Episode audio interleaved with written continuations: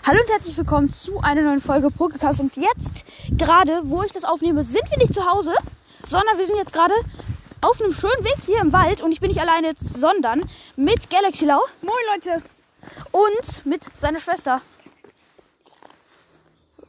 Okay, sie hat mir gerade einen Namen zugeflüstert, aber wir nennen sie jetzt einfach mal, wie, wie sollen wir dich nennen? Galaxie.i. Galaxie.i. Äh, lol. Äh, einfach, ja genau, ich bin jetzt hier in der, im Wald und wir werden jetzt eine Folge aufnehmen. Wir werden das jetzt immer hintereinander schneiden, wenn irgendwas krasses passiert. Wenn die Folge jetzt zwei Minuten lang... Ja, wow, da ging einfach gerade der Ton an.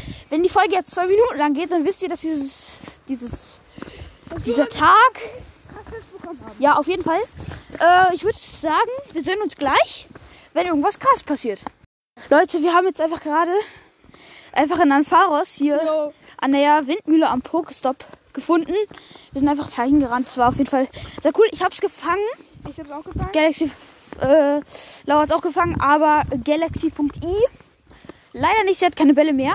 Ich weiß nicht. äh, Sollen wir dich wirklich so nennen? Galaxie. Okay, okay, wir nennen sie jetzt einfach mal so.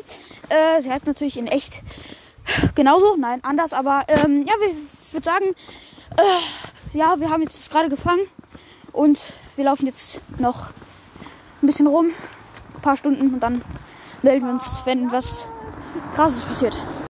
So Leute, wir hatten jetzt gerade hier ähm, einen Pokestop, da war ein Rocket Rüpel, ja genau, Ro äh, Team Rocket Rüpel und ähm, der hatte zwei Relaxo und Garados.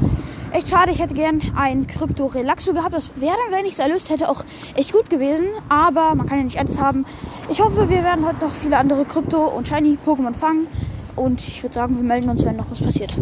So Leute, ähm, wir haben jetzt gerade ein Ei geöffnet, ein 12 Kilometer Ei. Und daraus kam ein Sorokex. Die 24 Bonbons lassen sich schmecken, Digga. Und ich würde sagen, wir melden uns wieder, wenn irgendwas krass passiert. So Leute, wir sind jetzt hier.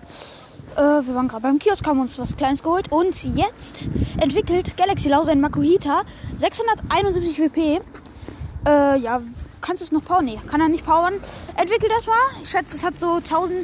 Ja, ich auch mal. Mir ist, nicht, mir ist es gerade nicht wichtig, dass es so gut. Ich möchte es einfach haben, weil es sieht einfach. Ich finde Harinjama sieht einfach nice aus. Hariyama. Ja. Ja, ich weiß es selbst nicht. Hiruyama. Ja, genau, Hiroyama. Nee, aber ähm, entwickelt es jetzt, ist da. Pokédex registriert hatte er vorher noch nicht.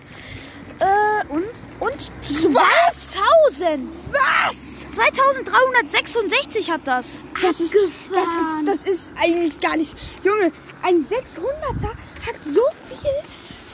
Das hat wahrscheinlich eine. Warte, guck mal, wie viel IV das hat. Guck mal, bewert, guck mal die Bewertung an. Ja, das ist ja voll schlecht. Ja, und aber die, aber guck mal, die VP sind auch gut. Hä? Also, das ist so schlecht und kann sich so gut entwickeln.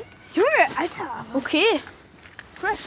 Ich würde sagen, wir melden uns, wenn noch was Gutes passiert. Äh, so Leute, wir sind jetzt gerade an der Kirche vorbei. Wir haben gerade eine ganz kurze Pause gemacht.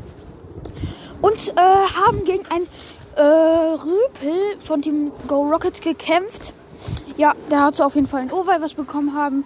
Hatte 140, 140 äh, WP. Ja, ich wollte einfach nur so erzählen. War ein spannender Fight. Ähm, ich glaube, das war's auch schon mit dieser Folge. Ähm, wahrscheinlich wird jetzt nichts mehr passieren. Bin in ungefähr 10 Minuten dann auch schon wieder zu Hause sozusagen. Und ähm, ja, wenn noch etwas passiert, dann sagen wir euch auf jeden Fall Bescheid. Wir gehen wahrscheinlich dann gleich nochmal raus und dann gibt es den Part 2. Äh, ja, aber wenn dann nichts mehr passiert, dann würde ich sagen, war es jetzt auch schon mit dieser Folge und ciao.